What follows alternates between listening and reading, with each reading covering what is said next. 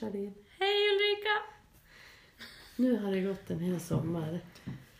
Ja, vi hade ju någon ambition om att vi skulle spela in fler avsnitt under sommaren. Mm. Men vi sk- sket i det. Ja, Vi hade... vi är. Vi är vi hade- rebeller. Ja, men också behövde andra saker i livet just då, tror jag. Det tror jag med. Mm. Jag tycker att den här sommaren har varit som en lång liksom, väntan. På... Sommaren. Har- Hela sommaren har du väntat på sommaren. Ja, och så kom den liksom nu två sista veckorna och så tog den slut i, idag. För någon timme sedan. Jag tycker att det har varit en lång sommar. Du har väntat så länge. Nej, men jag, har inte, jag, jag har känt att sommaren har varit där. Och sen kom det de här jättevarma dagarna då, jag, då man ville Ja, var fem dagar. försvinna. Och det, jag kommer ihåg att jag tänkte så här, ska livet vara så här? Fem dagar var det. Vill jag påminna alla om. Ska livet vara så här, då vill inte jag vara med. Gnällfia. Det var så jävla varmt. Ja, åh så skönt. Tycker du det? Ja, tycker jag. Ja. Ja, för att jag var ledig och fick vara på stranden. Så Ja, men alla har ju inte den möjligheten. Nej, nu hade jag kanske haft den möjligheten om jag hade engagerat mig lite. Ja. Men jag tänker alla som inte... Tänk alla äldre, tänk alla djur. Ja. Usch. Ja, jo visst är det väl så. Men jag menar eh, samtidigt så jag tycker att det är skönt när det är varmt. Ja, jag gör ju inte det, så att... Nej. Min kropp mår bra av det. eh, inte min. Nej. Men eh, samtidigt så förra sommaren var ju ingen eh, rolig historia alls. Nej. Jag tror att i år så accepterar man den här värmen på ett annat sätt för det var under så extremt begränsad tid, fem Mm. dagar. Men det var ju inte dåligt väder hela sommaren. Nej, men- Det är ju lite överdrivet. Nej, men vad jag saknar det är varma kvällar. Och det tycker jag att jag har fått nu i augusti. Nu har vi suttit ute sådär på kvällarna och Mm. läst och pratat och sådär. Det har vi inte gjort tidigare sommar. Jag tycker att det har varit för kallt. Mm. Men då kan du vara nöjd nu när du ändå fått sitta ute lite grann. Känner mig mycket nöjd. Ja, Mm. bra. Alla nöjda. Ja, svamp. Svamp, tyskt. Ja, Svamp. tysk svamp. Tysk. Eller svamp. Jag har en liten rolig historia. Om svamp? Ja, Ja. nu ska, nu ska jag vara lite opryd. Du får väl välja om vi ska klippa bort det här sen. Men vi var i Dalarna i helgen. Mm. Åkte till Mora och sen till Rättvik och gick på Dalhalla. Tog ni svamp? På vägen ner, ja, min man skojar ju- alltså det här, jag vet inte om jag ska säga det här, men jag är lite av en fribajsare. Alltså, men Charlene, alla människor bajsar Ja, men kanske inte, i naturen. inte i naturen. Eller, det kan man ju göra om det är kris. Ja. Men jag kan känna en stor frihet och liksom... Du gillar luft under skinkorna? Nej, men jag, jag känner mig liksom ett med livet.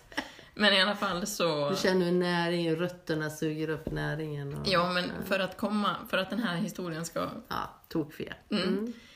För några år sedan så fjällvandrade vi och då vi, skulle vi åka upp till Saltolukta och då på vägen upp eh, så stannade vi i Övik på en parkering och då blev jag bajsnödig så jag bajsade på sidan av en parkering. Jag började liksom fjällvandringen i Övik fast vi hade några mil kvar att åka då. Sitter du så ogenerat efter vägen alltså? Jag satt i ett dike. Men Ja. i alla fall nu så då har det blivit en grej. Ja. Att min man kallar mig för fribajsare. Ja, mm. Och så nu när vi åkte ner till Dalarna så blev det kris. Ja. Så då stannade vi efter vägen och så hoppade jag ner i skogen och så var det som en, en remsa av plast som folk hade slängt från vägen. Jättevidrigt. Men sen 10 meter in så var det jättefin skog. mossa. Det var mossa, nu var det en granplantering, men det var väldigt fin mark där. Och så sitter jag där och så bara ser jag ett hav av trattkantareller. De gillar ju granar. Så vi plockade några liter, ganska många liter kantareller på väg ner till Dalarna och skulle vara där och sova över där och sen åka hem. Så vi torkade, alltså hade hela bilen full av svamp. Det var inte där du bajsade då? Nej. Nej, nej. Det var några meter ifrån. Men nästa Ifall man år, blir bjuden på mat, jag. nästa år, ja men vad, vad, tror du, vad tror du de växer av? Ja. Ja. Ja. ja, men det var en rolig historia ja, va? men så spännande. Då har ni frysen full. Charlene Fribajsan Kiffergode. Ja, som ordnar mat åt familjen. De, de brukar ju säga det, eh, att kvinnor kan, är bra på multitasking. Då kunde du både, liksom både bajsa och hitta mat samtidigt. Ja, Vilken säga. talang. Det är inte många som kan göra det. Ja, förresten så hörde jag det av eh, någon neurobiolog på TV. Heter det så? Mm. Ja. kan som sa så. det att studier visade nu att det finns, eh, eller försök, eh, visar att det finns inga som helst skillnader mellan män och kvinnor i, i det här med multitasking. Vi är lika dåliga. Människor är dåliga på multitasking. Man kan ju, det, jag tror det handlar om vad man kan ha fokus. Man kan, alltså som jag kan inte ha fokus på flera saker samtidigt. Jag kan göra en sak och fokusera på en annan och det betyder ju att det andra blir väldigt dåligt gjort. Ja, Men eh, vissa är väl bättre på att fokusera på ja. lite mindre på två saker. Och jag fokuserar mycket på en sak. Tänk att det kan vara perioder i ens liv, också i mitt liv, när jag var yngre eh, och innan jag var sjuk och så. Så då var jag jättebra på att hålla tusen saker i luften. Mm. Ehm, samtidigt och hålla fokus på många saker. Men det, jag är inte lika bra på det längre. Mm. Nej. Men det är ju skillnad att ha många järn i elden och så, så här, göra massa saker. Och ha många bollar rullande. Men man gör ju inte de sakerna samtidigt. Mm. Precis. Som bajsa och hitta svamp. Nej, det är Nej. bara jag som klarar det faktiskt. Nej, men om man, om man jobbar med massa olika saker så kan man ju inte jobba med samma saker samtidigt. Nej, det är helt sant. Mm. Det är varken roligt eller bra. Nej. precis. Även om det vore kanske en arbetsgivares dröm. Att man kan bajsa och hitta svamp samtidigt. Ja. Jag är drömmen. Ja. Min mage, mitt val, ert barn. En, det var en hungrig moderat. Har du sett kampanjen i sommar? Jag har sett den nu när du visade jag hade, den hade gått förbi mig. Du hade tur du. Det, det var ju lite roligt, det ser ju då ut som... Det är en bild på en gravid mage, man ser bara magen. Och så är det skrivet på magen, min mage... Nej, mitt, min mage, mitt val, ert barn. Som att den här personen har valt att lägga någon annans barn i sin mage, kanske genom att äta upp det. Ja, det är lite så man känner det. Särskilt när moderatloggan står där i hörnet så blir man ju misstänksam. Ja, men det handlar väl då om att eh, av fri vilja så har man valt med sin kropp att ge ett barn till någon annan. Mm. Och det är väl det som är poängen. De körde ut det här till Stockholm Pride. Ja, fräscht. Ja, altruistiskt eh, mödraskap och, och... Eller mödraskap. Eh, Surrogatmödra- surrogatmödraskap. Och det förfärliga är, förstår jag, nu, numera så ska man inte kalla det, eh, utan man ska kalla det för värdmödraskap. Eh, nej men för vad jag tänker på i det här hela alltihopa, det är ju någonting det här med att man, människor går ju omkring och, och blir gravida. Ja. Eh, Hux som flux. Hux som flux. Nej men jag tänker om man lever kanske i ett samkönat äktenskap eller förhållande. Eller om man är ensamstående och så och man blir liksom gravid på, vad säger jag, inte, Ohappa. Ja, eller precis. Ohappa, one night stand. Nej men så här icke-konventionella sätt då, kan man väl säga.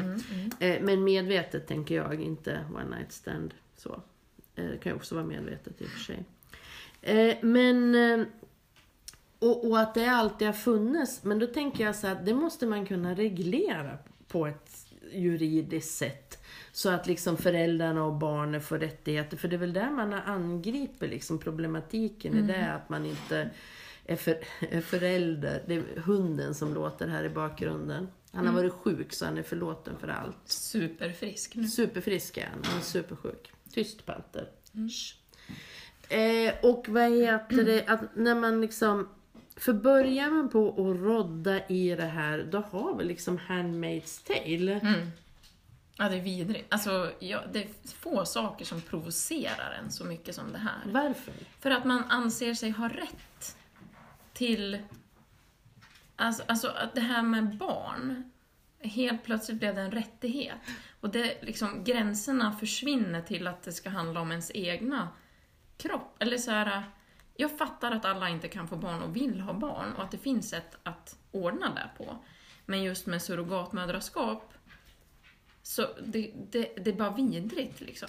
Ja, men jag tänker också att tidigare har det ju inte varit liksom möjligt att göra det på det här sättet eftersom det är ju teknik då, medicinsk teknik som har utvecklat det.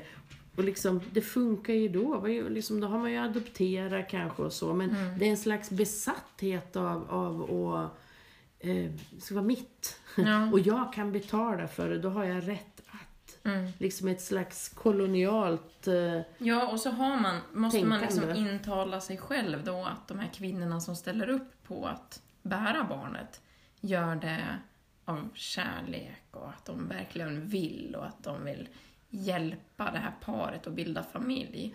Men det är ju bara kvinnor i ekonomiskt utsatta positioner. Liksom. ja. För de från, ja men som Sverige, de par som vill, eller som gör det här. Det, I Sverige är det förbjudet. det är så ju att, förbjudet, så ja. då gör man det i andra länder och det är ju inte det är ju inte rika länder. Det är liksom inte Norge man gör Nej, utan Eh, man åker då till Ukraina och, och Estland Indien. och Indien. Ja, Estland tror jag nog är lite för rika också Ah, Okej. kanske. Mm. Ja, men det, jag har ju sett några dokumentärer om det här. Och det har vi pratat om tidigare också. Eh, och att de här stora företagen som tjänar jättemycket pengar eh, oftast är då män som är VDR och eh, uttalar sig om att det här är så himla bra. Och det hade ju inte varit bättre om det var kvinnor som satt där. Men det blir så himla smutsigt på något Mm. vis. Det blir Handmaid's tale. Och att det är jättebra för de här kvinnorna för de liksom kan försörja sin familj under en period och sin man under en period. Liksom. Men ur fattigdom. Men det är en väldigt liten summa och det är ett oerhört stort liksom, etiskt jag skulle kalla det övergrepp faktiskt. Ja, och när Ja. de väl bär barnet och har skrivit det här kontraktet, då Ja. får de inte ångra sig. Det var det kanske jag sagt i ett tidigare avsnitt i en dokumentär jag såg, så var det en kvinna som blev gravid då med tvillingar. Och paret till en början blev jätteglada. Och sen hörde de av sig någon vecka senare och sa att nej men vi vill bara ha ett. Så då var hon tvungen att abortera ett av fostren. Ja. Utan att ha någonting att säga till om. Eller en kvinna som födde för tidigt och fick liksom leva med barnet de först, den första tiden. Och sen bara lämna bort. Fick inte, alltså hon, det var ju ett trauma för Ja. henne. Mm. Ja, det, jag vet inte. Nej, det är liksom inte hållbart. Och, och, och i den här processen tror jag också att det liksom man, eh, man ljuger för sig själv och de här företagen de liksom vill ju förespegla att de här kvinnorna har någon slags altruistiska eh, goda motiv, att man vill hjälpa. Och den här dokumentären som jag båda har lyssnat på på eh, Sveriges Radio som heter Surrogat med modern i Tbilisi, tror jag den heter. Eller någonting sånt. Mm. Tbilisi. Eh, och där de som köper eh, det här barnet då, eller köper en, ja, vad ska jag säga, köper den här tjänsten, en kund kanske, om man ska prata moderatska.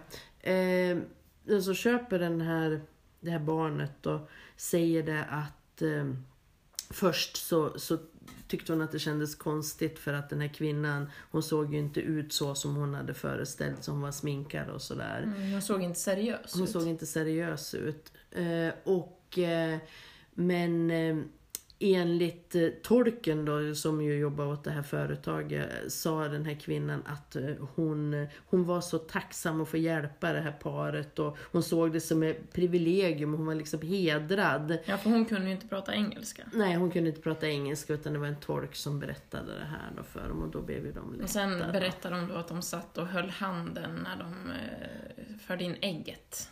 Det gjorde ont. Eh, men det var bara att eh, tolken sa då att eh, hon grimaserade inte för att det gjorde ont utan för att det var kallt. Ja.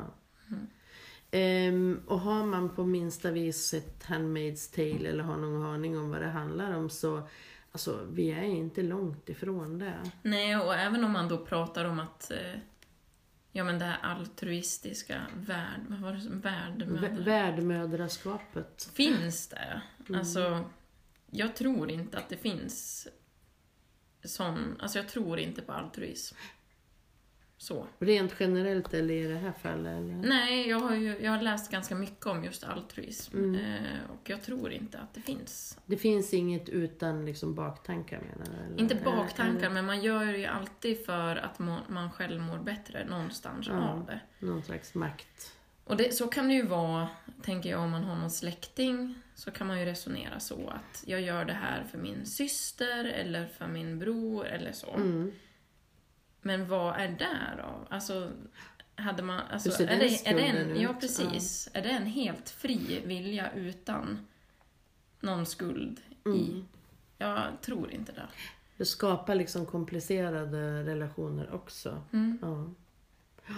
Eh, vad man har kanske pratat om, det är ju det här eh, som kan vara när det gäller um, stjärnfamiljer av olika slag, alltså familjer som inte liksom är konventionella kärnfamiljer. Då, där man kanske väljer att, att bära och man kanske vill vara föräldrar tillsammans. Men kanske. det är ju någonting annat. Ja visst är det. Ja, jag tycker det också också det. det. Ja, och att det borde man kunna styra liksom med lagstiftning och adoption Mm. och...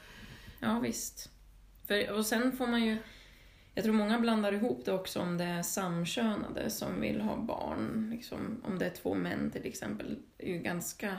Vet inte, men man hör om att det kan vara två män som köper ett barn från Indien till exempel. Mm. Och att det nästan... Man inte kan prata om det för att man blir liksom anti hbtq-frågor. Men man får inte blanda ihop det. Nej, för det här, det här handlar om en kvinnas rätt till sin egen kropp. Liksom. Ja, Och att man kan inte hålla på att inskränka det. nej. Punkt. Ja. Och det handlar ju också, vad heter det, det handlar ju om hbtq-personer i vår liksom rika privilegierade del av världen. Mm. Det handlar ju liksom inte om alla hbtq-personer utan det, det, De det med där, pengar. Ja, det är ju där det handlar om. Liksom. Och, och det är där liksom diskussionen måste föras. Att, um, vad har man för rätt att göra det här? Men vad tror du att det finns för chans att stoppa den här diskussionen? För att den känns det som att det är svårt, eftersom den medicinsk-tekniska utvecklingen liksom skuttar framåt och det finns ekonomiska intressen. Kan vi stoppa, alltså vi säger jag inte vi personer, men kan vi människor som vill det? Jag tror att man måste prata mycket om det. Jag tänker en, en föråkare till det, att man vill inskränka aborträtt. Alltså sådana såna resonemang liksom hela tiden att eh, det här eh, rätten till barn står över rätten till kvinnans självbestämmande över sin egen Ja. kropp. Liksom. Jag, jag tycker att det känns otroligt läskigt när, ja men som när Moderaterna går ut och pratar om sånt här. Liksom. Ja. Det är ändå ett etablerat stort parti. Ja, visst. Men det kan ju finnas sunda människor där, men att man börjar liksom resonera så här. Ja. Och att man tappar liksom kompassen på något vis. Ja, för jag tror ju att man menar väl. Ja. Eh, Jag tror att man vill... Men det är det jag menar, att Ja. det, man, får, man måste hålla, man måste försöka komma ihåg vad det handlar om. Ja, men precis. Det handlar inte om det här paret som vill bilda familj. Nej, nej visst.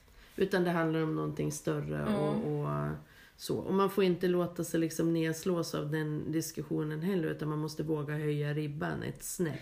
Och sen också tänker jag att man måste våga driva på för att se till att få till lagändringar eller vad det nu som behövs för att liksom ensamstående kvinnor med, in, med insemination eller Mm. IVF eller liksom mm, samkönade par eller om man är fyra eller så. Att det blir lagstiftning som passar för dem så att Mm. säga och deras föräldraskap.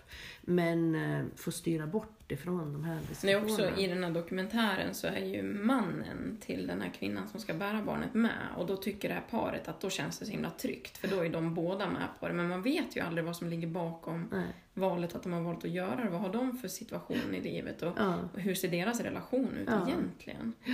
Ja, för man kan ju tänka också så här, vad är det för skillnad att sälja sin kropp för sex mot att sälja sin kropp som en barnbehållare? Ja, För det är ju där det handlar om. ja, och någonstans, för där har ju Sverige kommit långt att det är det är lagligt att sälja sex men inte att köpa sex Mm. och det tycker jag vi ska hålla fast vid. Mm. Även vad det gäller det här. Ja. Det ska inte vara lagligt att köpa barn på det här viset. Liksom. Faktiskt. Ja, och för som det är nu idag så görs det. Och vad gör man med de barnen och den situationen? Och, men jag tänker som så här, det finns kloka jurister och de måste kunna lösa det på annat sätt än att vi fortsätter med internationell människohandel. Mm. Som det faktiskt är. Ja, verkligen. Eh, så nej tack, säger vi till, Värd till min mage, mitt val, ert barn. Ät inte barnen. Charlene, hur länge har du varit kommunalråd nu? Jag är inte kommunalråd. Nej, du är oppositionsråd, Mm. men sånt där råd då? Sånt där råd blev jag 2016. Det är ju jättelänge. Nej, det är tre år. Ja, men det är ganska lång tid ändå. Ja, i mitt eh, 31-åriga liv så är Ja. det ju inte så långt kanske. Men... Jag tänker att det är ju otroligt mycket som ska rymmas i en persons liv utöver lönearbete och sömn. Det är inte så Eh, mycket lönearbete och sömn för det. Men eh, hur är det med engagemanget? Det var en, eh, en annan förtroendevald i kommunen som sa i veckan, vad heter det, att du var den mest engagerade politiker hen visste. Mm. Stämmer det? Nej, det gör det väl inte. Men jag var väldigt engagerad på det mötet. Och jag känner väl att jag eh, är en engagerad människa. Och identifierar mig mycket med det. Vad är det som får dig att känna engagemang då? Ja, men eh, från början är det ju liksom att man ser saker som man tycker är skit och man vill göra någonting åt det. Mm. Eh, Och för mig så började det ju när jag gick i, på högstadiet Mm. i Djurens Rätt. Mm. Och sen har det ju bara fortsatt, men politiskt har jag bara varit engagerad sedan 2013. Mm. Det är inte så länge. I, Sex år. men Ja, i mitt liv kanske det är länge, Ja. men En för, för andra förtroendevalda i Hudiksvall så är det inte så länge. Inte för de flesta.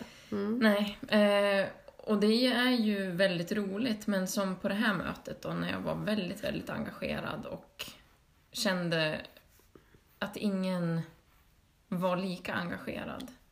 Alltså man, man kan ju vara engagerad och inte hålla med varandra. Men på det här mötet kändes det bara som, utan att snacka skit, men det kändes inte som att det fanns ett intresse för frågan överhuvudtaget. Eh, oh, någonstans fanns det väl där, men inte jämfört med mitt engagemang Nej. om man säger så. De tyckte väl kanske också att de, att de var lite nöjd som det var. Ja, och det Ja. är ju ofta så Ja. att man eh, sitter på sammanträde efter sammanträde och alla är ändå ganska nöjda överlag. Eh, och det är väl, jag vet inte om det är vi vänsterpartister som har väldigt stora drömmar om hur saker och ting skulle kunna vara och att stegen dit är så korta. Mm. Men det är så lite man ändå får igenom. Eh, och jag, jag pratade lite om att det, när man, man, jag känner som att det är en eld i mig ganska ofta. Mm. Eh, och att man brinner och brinner och till slut så kan den elden bara slockna. Man Mm. behöver ju få fylla på med pinnar för att elden ska fortsätta. Och när man Ja. inte får det så går det ur en liksom. Och de med pinnarna, det är liksom någon, någon typ av framsteg eller? Ja, men det behöver ju inte vara att man får igenom världens grej, men att man känner ändå att man blir liksom lyssnad på Mm. eller att man kan påverka på något plan. Mm. Och jag känner ju en jättestor tröst i våran partigrupp, liksom, att vi kan bolla och hämta styrka och peppa varandra. Mm. Och hade jag inte haft det så hade jag nog inte orkat. Men jag, är ju, jag funderar väldigt mycket på livet i stort Mm. eh, och vad som är viktigt och vad man lägger tid på. Och jag lägger ju otroligt mycket tid på politik och Mm. engagemang. Och kommer jag ångra det? Eh, jag ser ju inte att jag skulle kunna sluta med det för jag vet inte vad jag är då. Jag vet inte vad jag ska göra av den här elden. Jag måste hitta ett annat sätt. Och jag säger inte att jag ska sluta, men jag känner någonstans att jag slösar elden på ingenting Mm. många gånger. Och eh, den stora frågan är ju vart gör man mest skillnad? Eller hur gör man mest skillnad? Mm. Och jag vet inte, det kanske du kan berätta om, men när man har varit nära döden så, och får höra människor berätta om det så säger de ju att det som man... Det, allting annat försvinner, det är bara relationer och ens liksom, nära och kära som betyder någonting. Mm. Allting annat försvinner. Mm. Man tror att det är en klyscha men det är alldeles sant. Eh, Jag blev förvånad själv till alltså hur, hur vad det liksom kokar ner till att eh, när man ligger och, och tror att man ska dö så är det ingenting annat som är viktigt. Nej. Alltså, annat än, än de människor man har omkring sig med, med liksom eh, Ja, nära och kära är väl ett bra uttryck. Eh, De närmaste och det kan ju vara familj eller vänner eller Ja, och det kan ju vara så relationer. att man gör stor skillnad av att finnas, all- alltså ta hand om sig själv och sina nära relationer, att man gör världen bättre i det lilla. Men det är ju en jättekonflikt i mig. Ska man satsa helhjärtat på det? Eller ska man vara uppe i helikoptern och försöka förändra hela världen lite grann? Eller ska man försöka göra både och dåligt? Mm. För att man kan inte göra både och. Liksom. Mm. Det är så du känner? Ja, Det tar för, så mycket kraft liksom? det tar eller? kraft med och, och jag, jag, det är inte det att jag känner att det är meningslöst. Men det hade varit så himla mycket mer tillfredsställande om man kände att någon annan var på samma plan som inte var i ens egna parti. Liksom. Mm. Och man kände att vi kunde göra framsteg tillsammans ändå. Det är ju också en otroligt komplicerad liksom, parlamentarisk situation, både lokalt och liksom, nationellt, som gör att det blir alltså vi har ju, eh, inte men, men som sagt våra möjligheter till inflytande den här mandatperioden är ju mindre än vad de har varit tidigare. Och vi har ju också sagt, alltså Vänsterpartiets då, vi har ju sagt att vi får ta den här eh, tiden och, och vässa. Mm. Och det gör vi och jag Ja. känner ju att det är skönt liksom att nu kan vi vara offensiva Mm. och vi, vi är i opposition och är ett oppositionsparti och liksom utnyttjar det och det är roligt. Men det är som du säger, att det är liksom det, Mm. Hela tiden är det någon annan som har makten att sätta stopp. Liksom. Det Ja. blir svårt att driva frågor på, på ett sätt som är tillfredsställande. Ja, och man kan lägga ner hur mycket tid som helst på att kunna allt. Ja, Men det spelar ju ingen roll om ingen annan bryr sig. nej. Eller lyssn, Eller- lyssnar.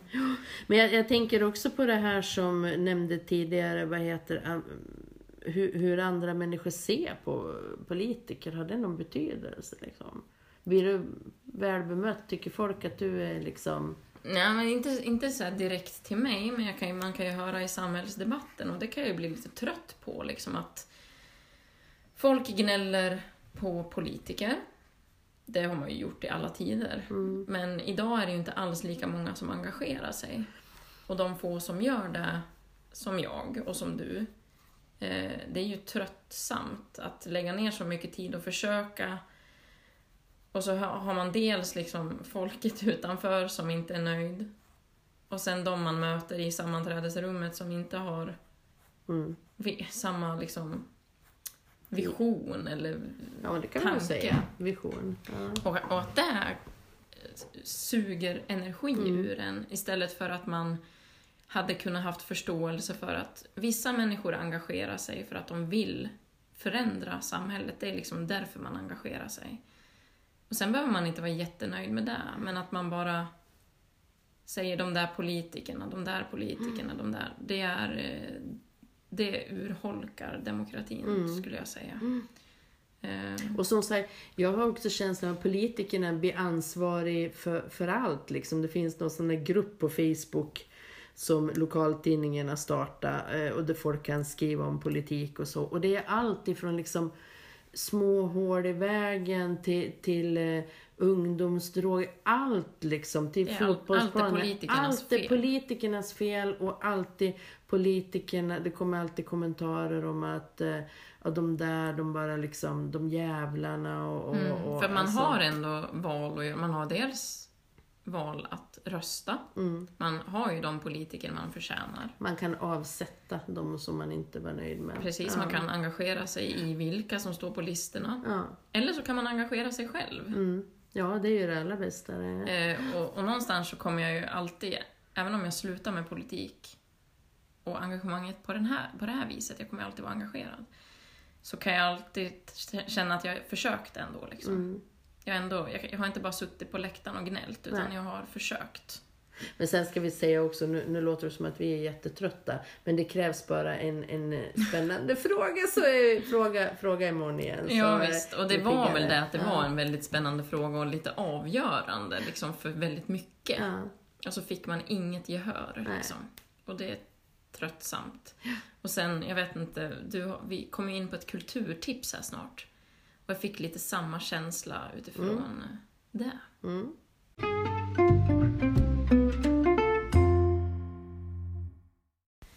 Kulturtipset! Kulturtipset. Ja, nu har du fått mig att säga fel. Kuk. ska jag aldrig säga i radio eller podd eller så. Mm. Mm. Fy! Först bajs och så, så ska vi avrunda med det här. Kuk, du får Vad säga är det det igen. för? Ja. Nej, tänker inte göra. Vad har du för kulturtips? Kulturtips. Nej. Mitt kulturtips är ett sommarprogram. Eh, alltså Sommar i P1 som det heter. Och nu blir jag supernostalgisk. Mitt första eh, såna, minne av ett sommarprogram det är när jag eh, uppvuxen eh, på landet låg i en hängmatta, inte en ryggsäck, låg en hängmatta och gungade och hörde den där eh, signaturmelodin och lyssnade på Tage Danielsson. Oh my god. Nej, jag, jag har ju lyssnat på det också och tänker att tänk den som fick ligga i en ryggsäck och lyssna på det här live. Ja, det var jag. Det var du. Ja, fick du lära känna mig. Mm. Ja, så är det. Lite fördelar med att vara gammal också. Men det var ett Sommar i P1 som du Mm, ja, just ville det, just tipsa just det. om. Ja, och det var mer liksom lokal personlighet från Stömne i Delsbo. Delsbo. Gunilla Kindstrand, Mhm. känner du till henne? Ja, Mm. men du kanske kan berätta lite mer vem det är? Ja, eh, man kan väl säga kulturjournalist, eh, kulturpersonlighet, en bildad person ska jag vilja säga. Mm. Eh, Ger intryck av att kunna väldigt mycket om många saker. Ehm, har haft eh, kulturprogram i tv, samtalsprogram och sådär. Och så har hon varit eh, chefredaktör för lokaltidningarna i Mm. Hälsingland. Vad var det som var så bra med hennes sommar då?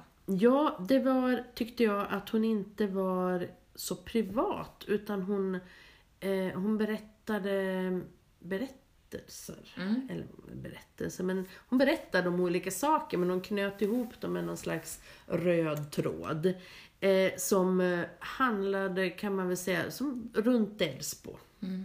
Men kopplingen, hon gjorde kopplingen mellan, hon berättade om den gröna vågen. Delsbo är ju känt för sin gröna våg och, och Hon började ju, jag har också lyssnat och uppskattat det väldigt mycket, Mm. hon började ju med att berätta om Hälsingelivet. Ja, just det ja. Det har man, ju, man har ju hört talas om det, men man har ju inte förstått. När man säger med länsman i Delsbo, knivarna i Delsbo och Hälsingland ryktena var ju i Sverige liksom... som Sve- Malmö, då, nu, Ja. dåtidens Malmö kan man väl säga. Eh, och hur man liksom framar, hur man satte dit en, en person. Alltså, Mm. fantastisk intressant berättelse som hon har gått till källorna och, och kartlagt och så. Så det är jättespännande. Alltså alla hennes sådana där små, det var liksom små stories i, Mm. i det här programmet som alla var väldigt, väldigt intressanta. Mm. Eh, och hon pratade också om en utställning som har funnits i sommar uppe i Delsbo där man eh, På hembygdsföreningen på hembygdsföreningen men det finns även digitalt. Mm. eh, Den där berättelsen om hur Eller hembygdsgården heter det? Kanske det. Ja. Ja.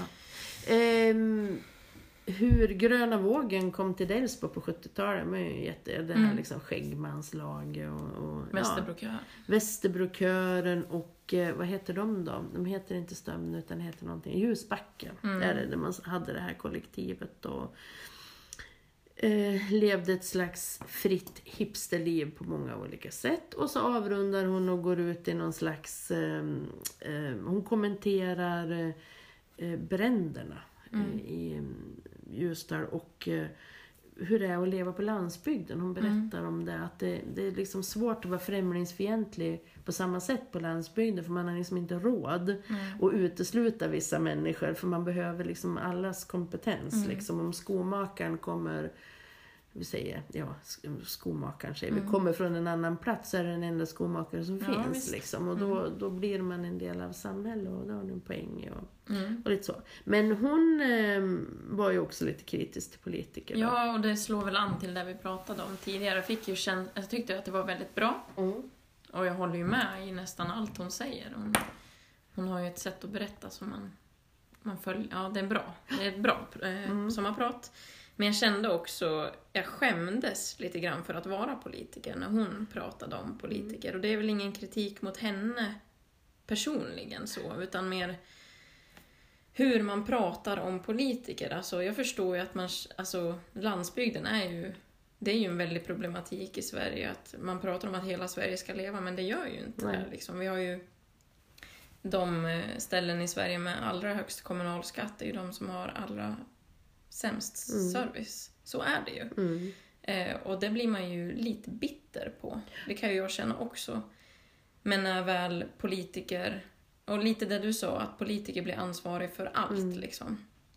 Och jag kände ju liksom att ja, men jag, jag skäms ju när, man, när jag vet att jag sitter på sammanträden och folk inte är lika engagerade eller inte lika påläst. Jag vill inte bli liksom ihopklumpad med dem. Samtidigt så vill jag inte heller liksom göda det här politikerföraktet, Mm. att politiker inte gör... Alltså, det, det är en väldig konflikt i mig. Och jag känner vad... Efter det här sommarpratet så tänkte jag men man kanske ska... Man kanske ska flytta ut och göra någonting annat. På landet? Ja. Mm. Jag har ju en liten dröm att liksom... Jag odlar ju mycket. Vilantis. Ja, men inte konventionell utan liksom... Inte... Ja, men gå ner i standard. Mm. Se till eh, andra värden.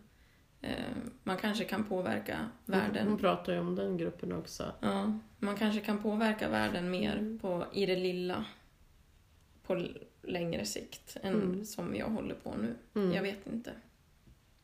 Men, ja. Jag, jag skämdes lite av att vara politiker när jag hörde det sommarpratet. Du kände inte så? Nej, jag, jag lyssnade inte på det på samma sätt tror jag som du gjorde, utan jag tyckte att det var rätt berättigad kritik. Ja, men, Ja, men det håller jag men, med men, om. men jag tycker också där, du, när du säger det så kan jag tänka på det och förstå hur du tänker. Hon tog till exempel, man var orolig för att Stefan Löfven skulle få en hjärtinfarkt.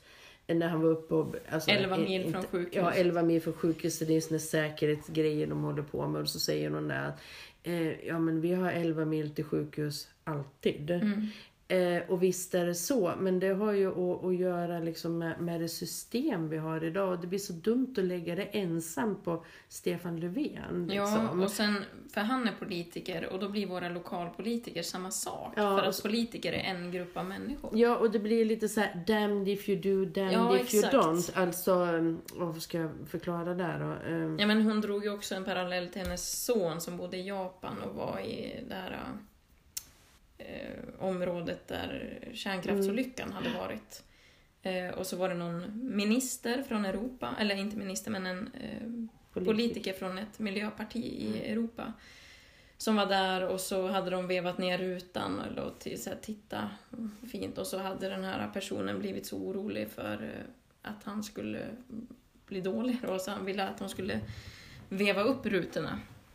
Och det blir liksom, ja, och då får han skit för, för det. Och Mm. det, det kan jag ju förstå. Samtidigt så hade han ju fått skit för att om han inte åkte dit överhuvudtaget. Mm. Liksom. Ja, men det, och det är väl lite, ja precis, samma sak med en, en ledare. En ledare måste ju komma och vara på plats. Men sen är det rimligt om, om liksom en statschef att man garanterar att de inte Ja. trillar av pinn liksom, just då. då. Mm. Eh, men jag förstår samtidigt henne väldigt väl Ja, och visst. menar, och det blir ju väldigt speciellt när man drar det till sin Men det är väl det där som är problemet, att det finns liksom ingen...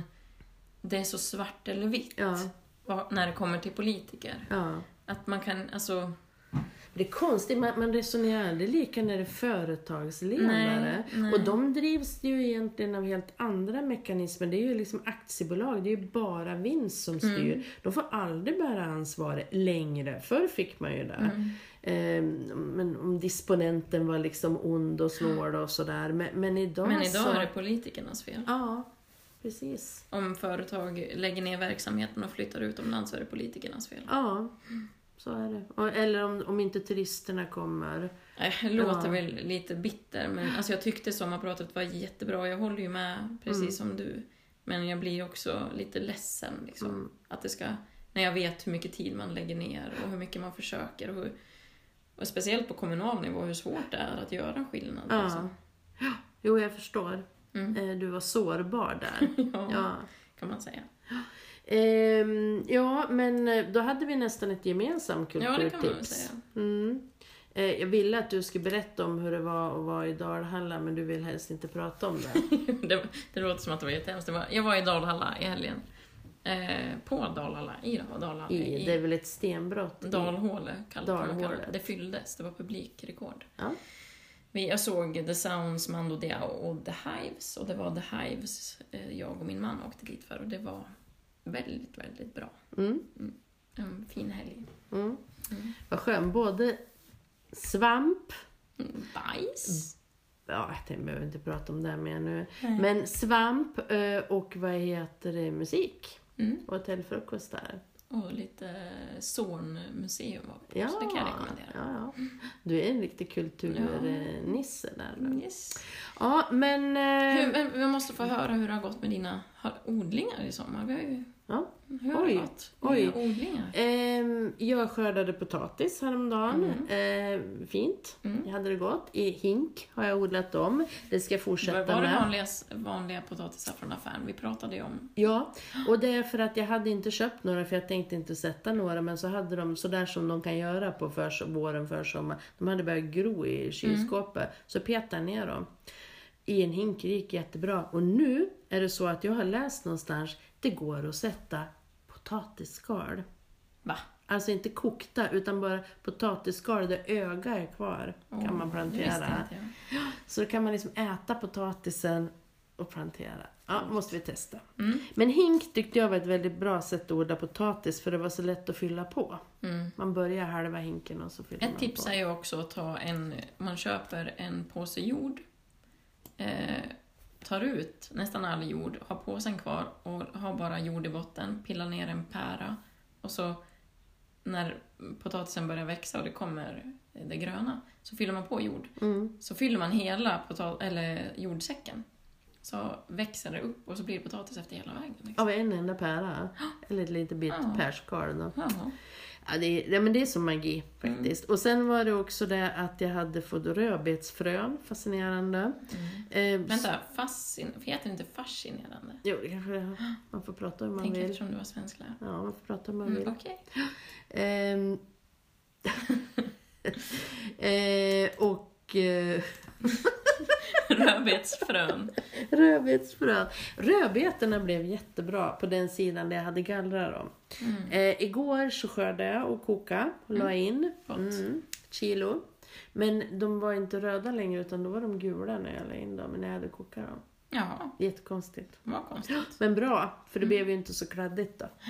Eh, och så har jag haft jättemycket sallad, dill och allting har ju växt som, jag vet inte den. Eh, Det var ett bra odlingsår. mm. Nu skördar jag tomater, gurkor fortfarande och eh, massa, massa, massa, massa, massa chili. Så jag ska göra sån här sambal och Ja. chilisåser och sådär. Men du då med ditt odlande? Jo, men det var, det var...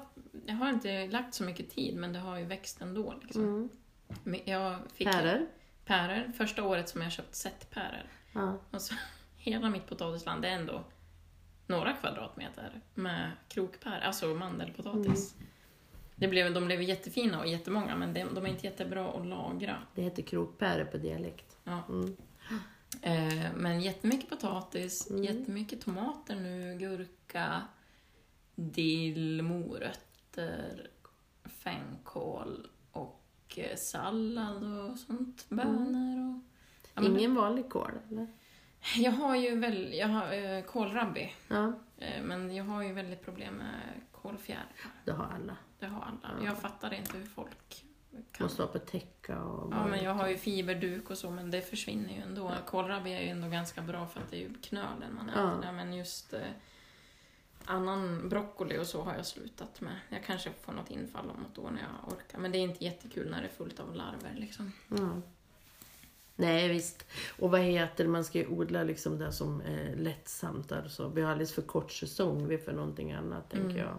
Kan liksom inte ändra sig. Men jag, man, det är ju inte, man kan ju fortfarande odla och jag kör ju vinterodling så Ja. det är ju bara att fortsätta. Ja, jag låter till exempel salladen stå och så får den växa och ibland går den i blom och sådär. Mm. Och då blir det frön och så blir det sallad där väldigt tidigt nästa år. Så att jag har en pallkrage Men jag, också, jag låter faktiskt, även om jag inte ska göra någonting av det, men jag låter ganska mycket gå i blom för Ja. insekternas skull. Ja. Och jag har slagit min äng. Åh! Min bror är ju lieman. Ja. Han har en fin lie. Så han kom och slog den eh, för kanske några veckor sedan och så låter man det ju ligga kvar och torka och vänder det och så lyfter man bort det. Och min äng det här året var ju väldigt frodig och det betyder ju då att det är mycket näring. Och Mm. ängsmarker, de det är brist på är de här magra. Mm. Och det är det som är grejen, att när man slår så tar man bort Så att materialet. inte näringen går tillbaka. Så man magrar ur jorden så att ängen kommer ju bara bli finare och finare. Mm. Men man måste låta det ligga så att det kan frö av sig för att det är ju ettåriga. Spännande. Jag ska norpa lite frön när jag Mm. testar ute i Mm. min nya miljö dit jag ska Just det, du är flytta mig. husbyggare. Jag kom i en sandmiljö men alltså, det är någon gubbe uppe i Sundsvall som för ett antal år sedan uppfann att odla i sand. Ja, sparris. Ja, det kan man odla. Och sparris och rödbetor och potatis kan man vattna med saltvatten Ja, faktiskt. just med, eller med brackvatten, havtorn också. Mm. Det är ju inte så salt där ute. Nej. Men eh, det enda man inte kan, kan vattna är krukor typ. Ja. Mm. ja, nördig diskussion men eh, den var nödvändig. Väldigt. Ja, tack för oss. Ja, hoppas ni mår bra. Ja, Puss! hoppas ni har det bra. Puss på er.